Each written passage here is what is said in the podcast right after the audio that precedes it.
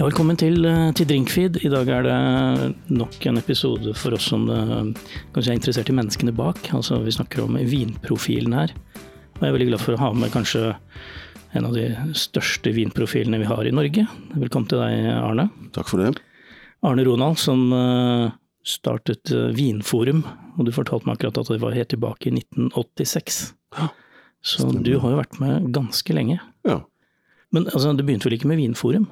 Du begynte vel egentlig med at du altså Det var ikke sånn at du våknet en morgen eh, på barneskolen og sa mamma, i dag vil jeg begynne å Jeg, vil bli vinskribent når jeg blir stor. Nei, min interesse startet vel ganske tidlig.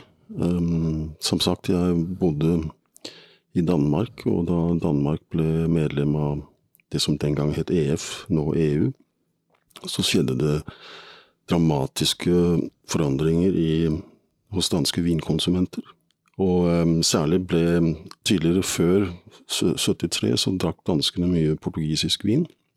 Men etter EU så um, gjorde den franske landbruksorganisasjonen Sopexa en særdeles god jobb, så plutselig så hadde Frankrike en markedsandel på 80% og det var mye Det ble skrevet mye danske aviser om det, og det var vel da jeg begynte å få interesse for vin. Og så Min far samlet jo litt på vin. Han døde jo altfor tidlig i 1978, så han etterlot seg en eh, liten samling på noen hundre flasker, og verken min mor eller min bror eller jeg hadde noen som helst greie på hva dette var, så jeg begynte å lese meg opp. Og det var vel egentlig da det begynte. Men du skulle bli fysiker. Jeg skulle bli fysiker. Jeg studerte eh, i Trondheim på NTH i fire og et halvt år, og spesialiserte meg på teoretisk elementær partikkelfysikk. Så var jeg et år i det militære etter det, og så fant jeg vel ut at jeg, eh, jeg ville noe annet. Du ville ikke bli fysiker allikevel. Nei, eller det vil si, jeg, jeg fikk jobb hos Veritas med fysikkrelaterte emner, og jobbet der i, eh, i 16 år. Og så var det underveis i 1986 at eh, jeg sammen med god venn og kollega Ola Dybvik startet bladet Vinforum. Og det har vi da Eller det vil si, Ola er pensjonert, men eh, jeg feirer da 35-årsjubileum som eh, redaktør av bladet. Ja, for Vinforum er jo blitt en, en, det en institusjon mer enn et uh, blad. Og dere tiltrekker dere jo si, lesere som, som er dypt opptatt av vin. og det, det er noe som alltid har vært der.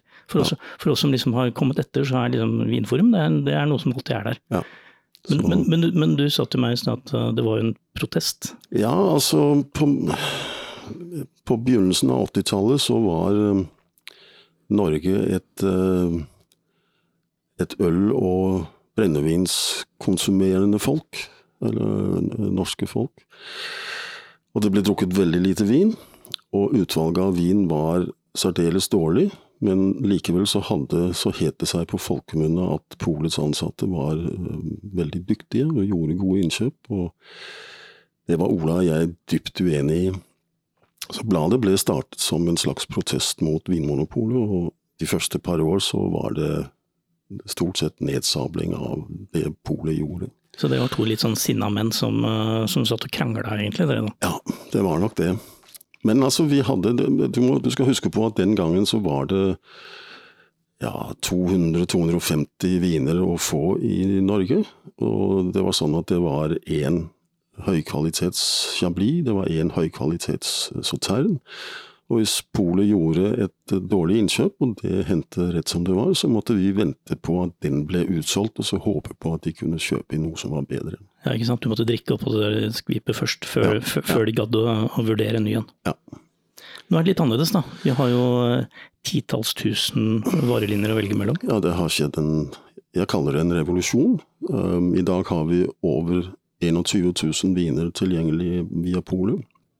Så det er jo et eldorado for, um, for vinelskere. Ja, du som har holdt på nå i, i 35 år med å, med å følge kan si, det norske vinmarkedet. Ja. Det må jo ha vært eh, det må være rart å sitte nå og se tilbake på hvordan det var. Altså, det, har jo skjedd enorme ting. Hva, er det viktigste, syns du, eller hva er, den største for utviklingen vi har? Nei, det er jo øh, utvalget. Altså, vi har jo Den gangen så var jo Vinmonopolet totalmonopol på på import, tilvirkning og salg av alkoholholdige drikkevarer. Så da vi ble medlem, eller da vi underskrev EØS-avtalen i 94, så gikk det et par år, og så skjønte man at uh, man kunne ikke opprettholde polet sånn som det var. Så det ble åpnet, åpnet for um, fri import. I dag har vi jeg tror det er 615 ulike norske importører. Det ble lov for andre enn polet å produsere brennevin, og Vinmonopolet har siden 1996 vært utelukkende et eh, salgsmonopol, dvs. Si en butikkjede som selger alkohol. Ja, og Det viser seg jo på utvalget også, både i butikk og ikke minst på, på nettet, på bestillingsutvalget. Ja. Hva, hva, tenker du om det, at eh, butikkene har et såpass eh, skal vi si, forhold lite utvalg uh, av det totalutvalget som er. Er det, er det bra, eller, eller, burde de ha, ha, løst det på en annen måte? Nei, jeg syns vel stort sett de har løst det bra. Og det er jo, det er jo fullt mulig å bestille. Altså, hvis du bestemmer deg noen dager før du trenger varene, så får du jo levert det. Så mm, jeg er ganske fornøyd med dagens system. Ja, altså vi i Drinkfeed vi, vi, heier jo på BU. Vi ber, ber jo folk om å gjøre akkurat det du sier, og bestemme seg noen dager i forveien og, og, og bruke det enormt store utvalget som, som er der. Ja. Så tenker jeg en annen ting, Arne. Du, du er ikke bare den som starta Vinforum, men du er også den første i Norge som, som kunne breske deg med tittelen Master of Wine. Var det noen eh, planlagt eh, forberedelse på å begynne på det studiet, eller var det et innfall for å lære mer? Det var, altså jeg, Etter å ha holdt på med Vinforum noen år, så, eh, og det ble, det ble, ikke skrevet så mye om vin den gangen, på, på slutten av 80-tallet. Eh, og det var ganske mm, varierende kvalitet på det som ble skrevet, så jeg fant vel ut at um, jeg måtte få meg et papir på at jeg hadde greie på det jeg holdt på med. Og så sjekket jeg litt rundt omkring, og så endte det med at jeg bestemte meg for å gå for master of wine. Hvor lang tid tok det fra du, fra du tenkte tanken til du sto med nåla altså jeg, um, jeg deltok på et, et symposium som Master of Wine-instituttet arrangerte i jeg tror det var i Cambridge i 1990. Det var min første kontakt med, med organisasjonen. Og så måtte jeg gjennom en opptaksprøve i det var vel um, høsten 1990. Og så satt jeg eksamen første gang i 1991. Og det året var det 100% stryk blant førstegangskandidater. Så Det var ingen som klarte det? Ingen av de som satt eksamen første gang, greide det. Jeg besto smakingen første året, men måtte prøve meg to ganger til før jeg fikk uh, endelig eksamen i 1993. Det er lang vei, da? Det er det, og det er mange av de som i dag er Masters of Fine som har brukt uh, atskillig flere år på det. Det er veldig få som står første gangen. Altså Man har bevisst lagt listen høyt, dette skal være vanskelig. Og det er det jo. Eh, vi ser eh, i dag er vi vel seks eller syv i Norge som Se, har Seks i Norge, seks i Norge som ja. har Master of Wine. Ja. Og det er mange som, som står på lista, eller som, som, er i ferd med å gå gjennom prosessen. Og så blir det spennende å se om vi får noen flere snart, da. Ja, det gjør det. Du har også vært involvert i si, utdannelse av sommelierer? Ja, altså det er jo en litt uh, pussig historie. Det, det, var jo Kristoffer um, Mostu ble jobbet den gangen, på slutten av 80-tallet, på Bagatell i Oslo som restaurantsjef. Som, som, egentlig veldig mange har gjort, egentlig? Ja. Og så eh, ble Gastronomisk institutt i Stavanger opprettet eh, formelt i 1988, men i praksis satte de i gang da i 1990. Og det var Harald Osa som sto bak, og han headhuntet Kristoffer til eh, Stavanger for å danne eller lage en vinkellerutdanning, for det hadde vi ikke på det tidspunktet. Og for å få det til å for, for, å få økonomien til å øh, være ok, så måtte man ha sponsorer. Og en av sponsorene var Vinmonopolet. Og Kristoffer måtte da forholde seg til en um, styringsgruppe hvor flere av sponsorene hadde medlemmer. Og hvert år de første årene så foreslo han at jeg skulle undervise. Og hvert år satte Vinmonopolets representant foten ned, fordi jeg var så kritisk. Ja, du var ikke akkurat regna som en venn av Vinmonopolet du Nei. på den tiden? Men så i 1996, da polet ble oppløst, så forsvant denne styringsgruppen, så jeg begynte å undervise da eh, på vinkelnerutdanningen i 1997, og det har jeg holdt på med da helt til og med i fjor. For jeg tenker at uh, svært mange av de som, uh, som, går rundt med en pinn som viser at du er sommelier, de, de kan egentlig spores tilbake til deg. Så du, du, er jo på en måte en slags sånn kjernekraft i, i det norske vinkelnermiljøet. Ja, ikke bare det, så har jeg jo også Det var jeg som i sin tid uh, fikk um, britiske Wine and Spirit Education Trusts uh, utdanninger til Norge. Så det har jeg også, der har jeg hatt ansvaret da i noen og tyve år.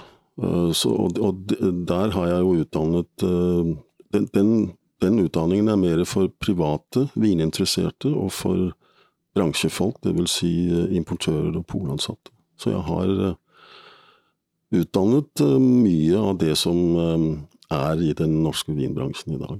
Nå har vi snakket ganske mye om hvordan du kom dit du er og, og hva du har gjort og sånn. Og du må jo ha, altså nødvendigvis har jo du smakt deg gjennom noen, noen titusener flasker med vin. Ja. Er du blitt en vinsnobb? Jeg håper ikke det. Men jeg må jo si at jeg eh, er nok ganske klassisk i mine preferanser, og jeg har, eh, jeg har litt problemer med å henge med i den såkalte naturvinbevegelsen som vi, som vi ser har vokst frem de senere årene. Er, eh, jeg har ikke noe imot naturvin så lenge de er feilfrie, men det er veldig mange av dem som ikke er det. Det er mange som argumenterer med at dette med naturvin er å gå gå tilbake i tid, og da nødvendigvis gå tilbake i utvikling også. At eh, det er en grunn til at man, eh, man ikke har gjort det noen, på noen hundre år, liksom. Mm. Er, det, er, det, noe du kan henge deg på? Ja, altså jeg, jeg syns det eh, Det er enkelte naturviner som kan være helt fantastiske, men som sagt, det er Naturvin er jo per definisjon med lite eller ingen bruk av sulfittilsetting. Og eh, hvis man ikke tilsetter sulfitt, så er det mye vanskeligere å lage vin som eh, da er lytefri. Så, man kan si at uh, feilprosenten blant naturvinene er mye høyere enn kall det de klassiske vinene. Når vi sitter, nå sier jeg vi, fordi vi, vi som hører til si, vinskribentmiljøet, vinjournalistmiljøet, vi, vi, møtes jo rundt smakebordene rett som det er. Eh, og så tenker jeg når vi sitter rundt et bord, og så sitter du da og ser på de vinene som eh, står på listen, og så tenker du å kjære vene, ikke, ikke, den en gang til, eller ja ja, eh, det får vel, jeg får vel smake på den eller, går du på med frisk mot eneste, hver eneste gang? La oss si det sånn, det er, det er forskjell på ulike importører. Det er noen som er ekstremt dyktige, og så er det andre som ikke er så dyktige.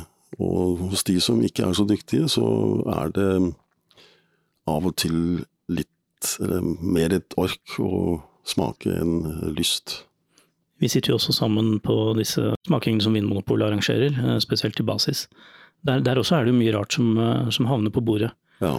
Og vi, snak, vi, diskuterer jo sjelden når vi sitter der, men er det noen ganger du har lyst til å liksom rekke opp hånda og si hør her alle sammen, hva i all verden er dette her for noe? Altså, jeg, jeg, har jo kommentert et par ganger at, uh, at det er viner som lanseres som etter min mening ikke burde vært lansert. Men uh, Vinmonopolet har jo et uh, innkjøpssystem som gjør at uh, Sånn som jeg ser det, ofte er det blir kjøpt inn det jeg kaller middelmådigheter. Det er sjelden at de, de unngår som regel de store katastrofene, men det er veldig sjelden at de at de treffer de virkelige toppvinene. Altså Vinmonopolet handler jo ut ifra hva kundene deres vil ha, eller i hvert fall hva de tror kundene deres vil ha. Og kundene deres er jo gjennomsnittet av norske befolkning. Hvordan har skal vi si, vininteressene hos nordmenn endret seg de siste årene? Det er, ehm, sånn som jeg ser det, helt siden jeg begynte, da jeg skrev min første vinartikkel i 1983. Og jeg tror det var 1982, så var vinkonsumet på et absolutt lavmål i Norge, og siden den gang har det egentlig bare gått én vei. Eh, vi drikker mer og mer vin. Det er større og større interesse for vin. Og um, folk Det blir flere og flere virkelig kunnskapsrike kunder. Og det ser vi også at folk er mer åpne for å prøve nye ting. Og bestselgerne i Norge, de selger egentlig Altså de som selger aller mest, de selger vesentlig mye Altså de som topper listen, selger vesentlig mindre volum enn eh, de gjorde for en del år siden. Så det gjør altså Vi har et enormt tilfang av viner, og folk er villige til å prøve nye ting. Ja, for det skal jeg spørre om. Altså, har du inntrykk av at eh, vi nå, altså vi da, nordmenn nå, tør å leke oss litt mer? Altså gå litt utenfor den, eh, denne stramme ramma som som var tidligere, hvor, hvor du endte med, med en standard rødvin til, til helgen og ferdig med det. Ja, absolutt. Altså det finnes jo fortsatt folk som eh, ikke har lyst til å prøve nye ting. Men jeg oppfatter at den gruppen er blitt mye mindre. Og jeg pleier å si nå at uh, Norge har gått fra å være et ekstremt lite sofistikert vinmarked til å bli et av de mest sofistikerte markedene i verden. Kan det speile seg litt i si, oppblomstringen av restauranten og den utvikling som har vært der med, på matfronten, hvor liksom de store byene i, i, Norge nå plutselig ligger og troner på verdenstoppen, og vi, vi høster stjerner og vi vinner Bocuse d'Or hvert år, og burde gjort det i hvert fall? Det, hen, det, henger sammen, det gjør det. Så... Hvor går det videre, da? Hvor skal, vi, hvor skal vi, videre? Altså, går det an å bli bedre? Skal vi, skal vi, drikke mer, eller skal vi drikke mindre og bedre, eller skal vi, hva skal vi gjøre? Jeg tror vel kanskje at konsumet kommer til å flate litt ut. Og så tror jeg den økende interessen for vin kommer til å fortsette. Nordmenn er kanskje mer enn i andre land opptatt av at vin skal drikkes med mat, og opptatt av at kombinasjonen skal funke. Og det har vi på vinkellerutdanningen lagt utrolig mye vekt på. Vi bruker mye tid på akkurat den biten. Um, så jeg påstår jo at eh, norske vinkelnere kan mye mer om mat- og vinkombinasjoner enn de fleste steder i utlandet. Og så tror jeg så er det jo en trend de senere årene, en, en veldig markant trend innen um, vinens verden, at uh, det er flere og flere produsenter som dyrker økologisk eller biodynamisk, og den trenden kommer også til å fortsette. Ja, for nå kommer vi litt inn på dette med nye produsentland. Vi ser jo at det er stor frammarsj i konsum, eller si, produksjonsmengdene fra ikke-tradisjonelle vinland. Ja. Hvordan, hvordan, vil det markedet, eller hvem vil, hvem vil, levere vin til oss om ti år, da, for å si det sånn? Det er um, Altså, det vi har sett i de siste par år, det er jo at salget av gresk vin har eksplodert i Norge. Det har, det har, sammenheng med at det har skjedd veldig mye bra kvalitativt i Hellas. Og så har salget av engelsk vin eksplodert i Norge. Så Norge er nå største importør av engelsk vin. Hvem skulle ha trodd det for ti år siden? Nei, du hadde ikke fått mye odds for det. Altså. Um, Eller du hadde fått ekstremt mye odds for det, for å si det på den måten. Ja, ja. Jeg var på en vintur til Sør-Amerika for um, noen år siden, og besøkte annet Bolivia. Eh, jeg tror, det, jeg tror, ikke Bolivia blir en stor vinprodusent, men uh, vi har fortsatt til gode å se en boliviansk vin i Norge. og jeg syns det var mye spennende kvaliteter, så det tror jeg kommer. Kan dere som eh, driver importerer og hører på dette, kan dere høre Arne Ronald sier at Bolivia, dere. Bolivia, kom igjen. Ja. Og så er det jo Altså, vi har som sagt England og Canada har begynt å vise muskler. Pga. den globale oppvarmingen så ser vi jo flere land som det var så å si umulig å lage god vin i for 10-20 eh, år siden. Eh, nå kommer vi på banen. Og sånn som um, den globale oppvarmingen utvikler seg, så tror jeg også det er en trend som kommer til å fortsette. Ja, Vi har jo hatt Sverige noen år nå, så vet jeg jo at Norge kommer. Du, hva syns du om de norske eksemplarene vi har fått? Altså, jeg har smakt lite av det som lages i Norge, så jeg tror ikke jeg skal uttale meg om det. Ja, men da venter vi et par år, så kan du mene mye om det. da. Hva med, ja. hva med type eh, Kina? Så de produserer uhorvelig mye, men eh, det er fint lite av det på bolet. Ja. da kineserne begynte for noen år siden, så ble det fokusert veldig mye på mm, hva skal vi si, lav kvalitet, altså på volumorientert produksjon. Ja, mye, men ikke veldig bra. Nei. Og det har begynt å forandre seg. Så jeg har jo smakt um, toppvinen til uh, Moet Hennessy i, um, i, Kina, som dyrkes jeg tror i 2600 meters høyde. Og um, vi har ikke fått den til Norge, men, og prisen er altfor høy, men kvaliteten er ikke så verst. Så de har begynt å skjønne noe, eller har de bare hatt flaks? Nei, de har begynt å skjønne noe, ja. Hva med Russland? Altså, det er jo et gammelt håper å si, kulturvinland? Vinkulturland? Ja. Altså jeg var eh, Jeg vil vel kanskje først og fremst um, peke på Georgia og Armenia. Georgia har Altså man, De krangler jo om disse landene, Tyrkia, Georgia og Armenia krangler om hvem som har den lengste tradisjonen for vindyrking. Men det som Og Georgia eh, produserer mye interessant. Det lages litt interessant i Tyrkia, men av at Altså, Armenia og Georgia er jo kristne, mens Tyrkia er eh, islam. Og det gjør at eh, vin er vanskelig i Tyrkia. Men de har laget en organisasjon som heter Wines of Turkey, som har som formål å fronte tyrkisk vin på eksportmarkedet. Det er jo spennende. Da må alle, alle holdt på å si muslimske land som, som lager vin, fordi det gjør de jo. Ja. Selv om de ikke får lov å drikke det selv nødvendigvis. Men det som jeg syns er mest spennende, det, jeg var i Armenia for et par år siden, og vi har hatt en armensk produsent eh, tilgjengelig på, i spesialbutikkene i Norge.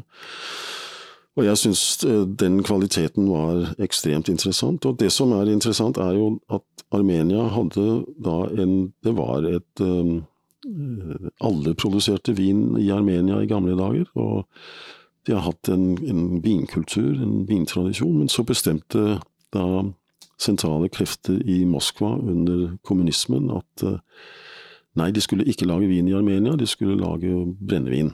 Og dermed så forsvant mye av den gamle kulturen. Men det er altså én produsent, som heter Sora, som eh, som eh, Hans foreldre var fra Armenia, han ble født i Iran. Og så flyktet de, hele familien, til Italia. Sønnen ble plassert på en eh, armensk skole i Venezia, og så emigrerte foreldrene til USA. Så denne fyren, han vokste opp i Italia, slo seg opp på moteklær i Milano. Men han og konen var um, veldig vininteresserte, så de hadde bestemt seg for kanskje å kjøpe en vingård i Toskana. Men på grunn av hans armenske røtter så endte det med at han kjøpte en eiendom i Armenia, begynte å lage vin med noen av de beste um, italienske minfolkene vinfolkene som konsulenter.